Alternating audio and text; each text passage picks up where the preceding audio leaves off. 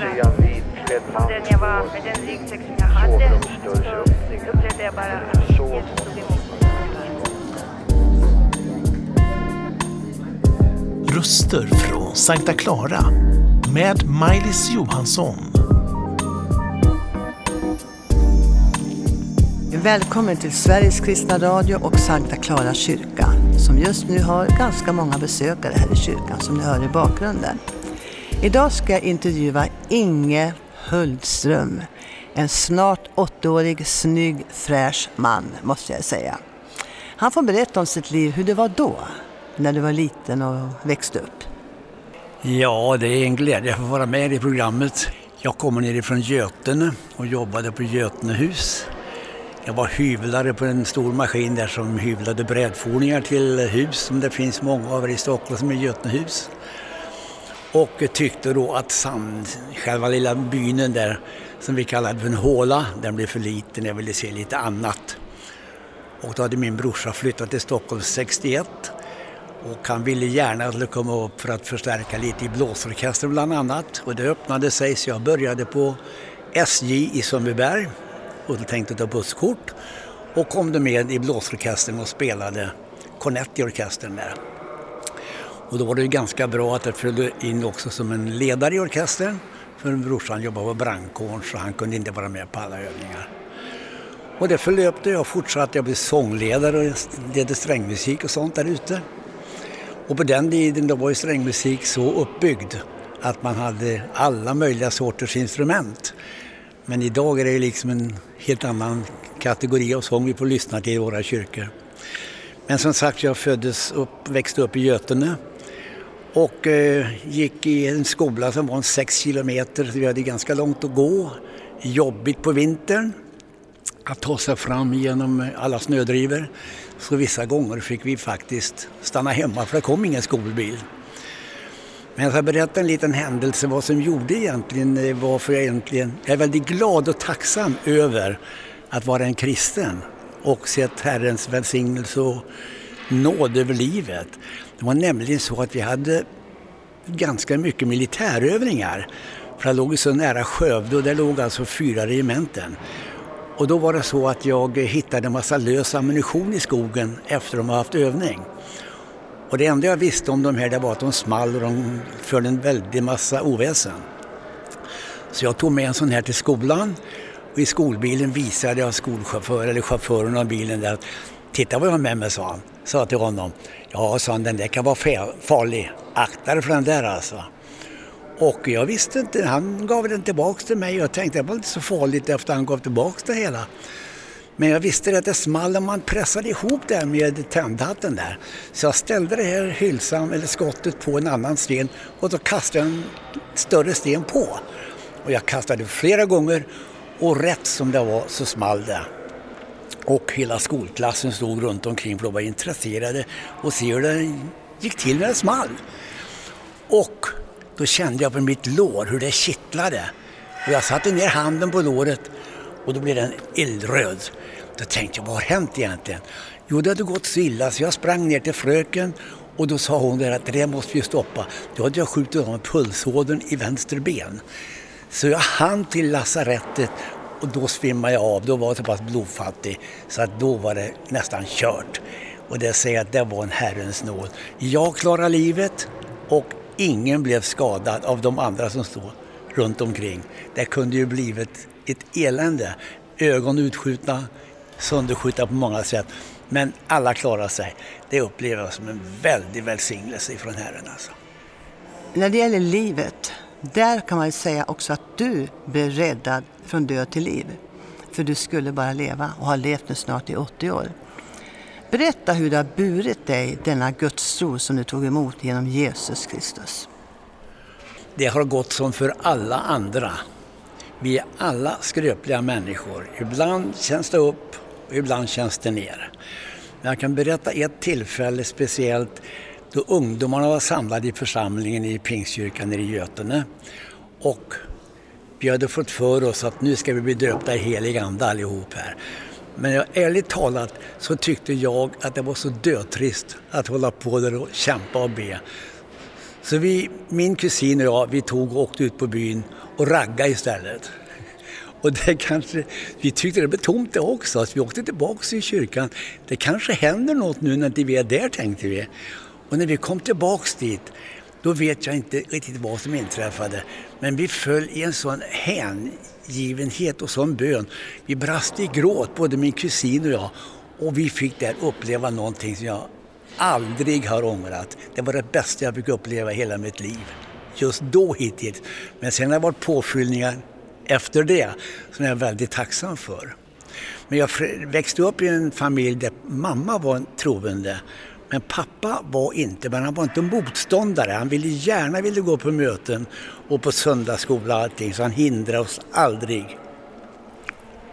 Blev du döpt i den heliga Ande? Är det det du menade alldeles nyss? Berätta, fick du tungotalet? Ja, det fick jag även då. Men jag, jag är ingen sån där spontanist så att jag går i sammanhang och bara tungomålstalar.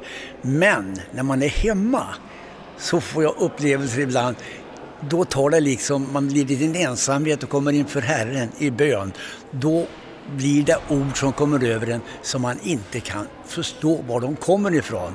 Och det upplever jag när man inte, mitt eget ordförråd räcker till på något vis. Då fyller Herren på resten. När flödet kommer, då kommer den här glädjen, eller hur?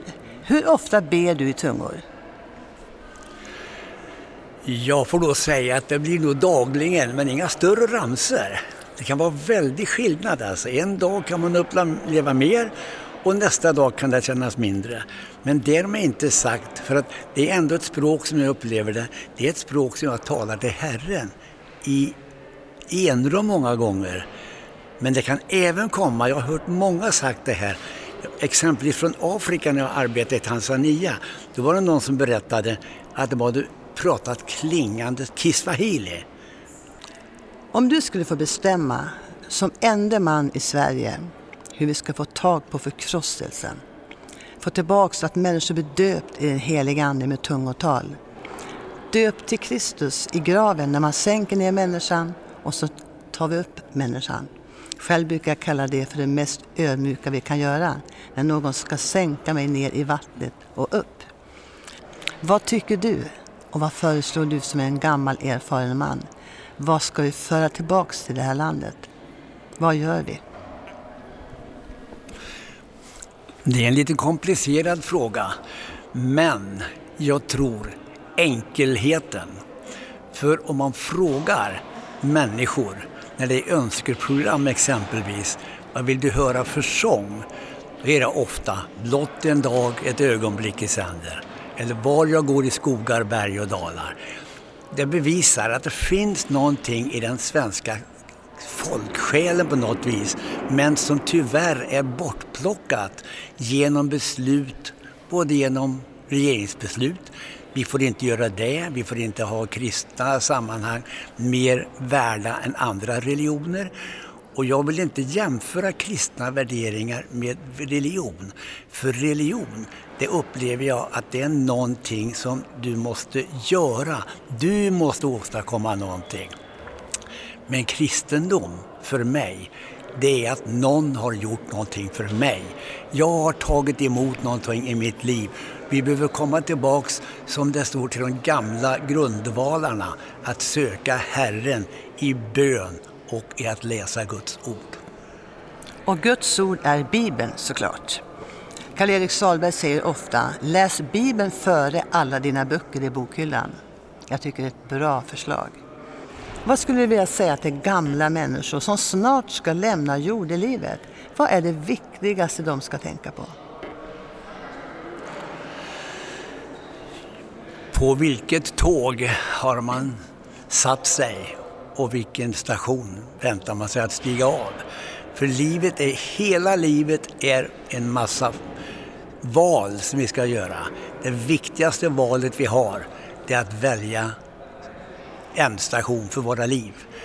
Och har vi börjat med att ta emot Jesus i våra liv, då vet vi att ändstationen, det är himlen och det har han lovat oss. Och vi kan också räkna ut, väljer vi, inte, väljer vi inte det ena så behöver vi inte välja det andra. För väljer vi inte det goda så kommer automatiskt det onda att ta över. Det var en sann information från en kristen man. Eh, vad är det första du gör på morgonen? När du kliver upp och dricker ditt kaffe med din hustru och livet är ganska härligt. En härlig macka till med mycket ost på, tomater. Vad är det den gör? Läser du dagens bibelvers eller läser du dagens lösen? Eller vad är starten för en man i din ålder som är viktig? Själva starten, det är ju när man öppnar sina ögon, man river sig i håret och man tänker vad har nu den här dagen i sitt sköte? Och man är tacksam för nattens vila och tankarna kommer nog ganska omgående. Tack för att jag får vakna upp till en ny dag och ge mig nu de möjligheter du ger mig, hjälp mig att använda dem på ett rätt sätt så det blir till någon människas välsignelse. Och, och efter detta så brukar min fru och jag sätta oss ner. Jag följer en bibelplan men det kan vara ganska mycket att läsa så vi läser alltid evangelietexten, kapitlet tillsammans och så ber vi. Vad härligt att höra. Eh, Inge, vilket trevligt namn. Inge. Var kommer det namnet ifrån? Ja, jag vet inte hur du. Men jag hade en arbetskamrat, han sa så här, han kallade mig för Inge Glid. För han sa, du kommer väl från Norge och är skidåkare? sa han. Och det var väl inte så, lite så roligt. Men nej, då sa jag, vi kan kalla det för Inge Vidare istället, sa han. Men jag brukar säga så här, jag heter Inge, men i allt genom Guds kraft. Och ditt liv har gått vidare, Inge Vidare. Det har gått vidare. Det är en frisk fläkt att lyssna på dig. Du är fylld av glädje och kärlek och väldigt pigg är du verkligen. Du är ett föredöme i mina ögon. Tack älskade Inge för en fin berättelse om livet. Och Guds rika välsignelse önskar jag dig och din hustru och familj. Fortsätt att kämpa trons goda kamp. För det är ju evighetsvärdet vi är ute efter. Allt vi gör ska ju vara av evighetsvärde. När vi håller på att göra upp så säger Herren, det här är av evighetsvärde när du talar om mig, Jesus. Och det har du gjort. Så tack, Guds frid och Herren är med dig. Jag ber att få tacka så mycket för möjligheten. För jag säger att i, den här kyrkan, Sankta Clara, det är en sån öppen och härlig kyrka. Och det bästa jag har i månaden som jag säger, det hjälper jag till här i kyrkan på öppen lördagskyrka. Och det kommer flera hundra varje gång. Tänk den möjlighet att få ta emot turister, man tar emot sekulerade svenskar, man kan få tag i heliga svenskar, det kallar man vad man vill. Men det finns ett, ett, hur mycket folk som helst.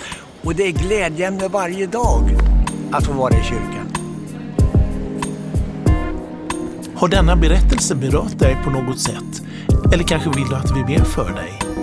Kontakta oss på info snabel-sverigeskristnaradio.se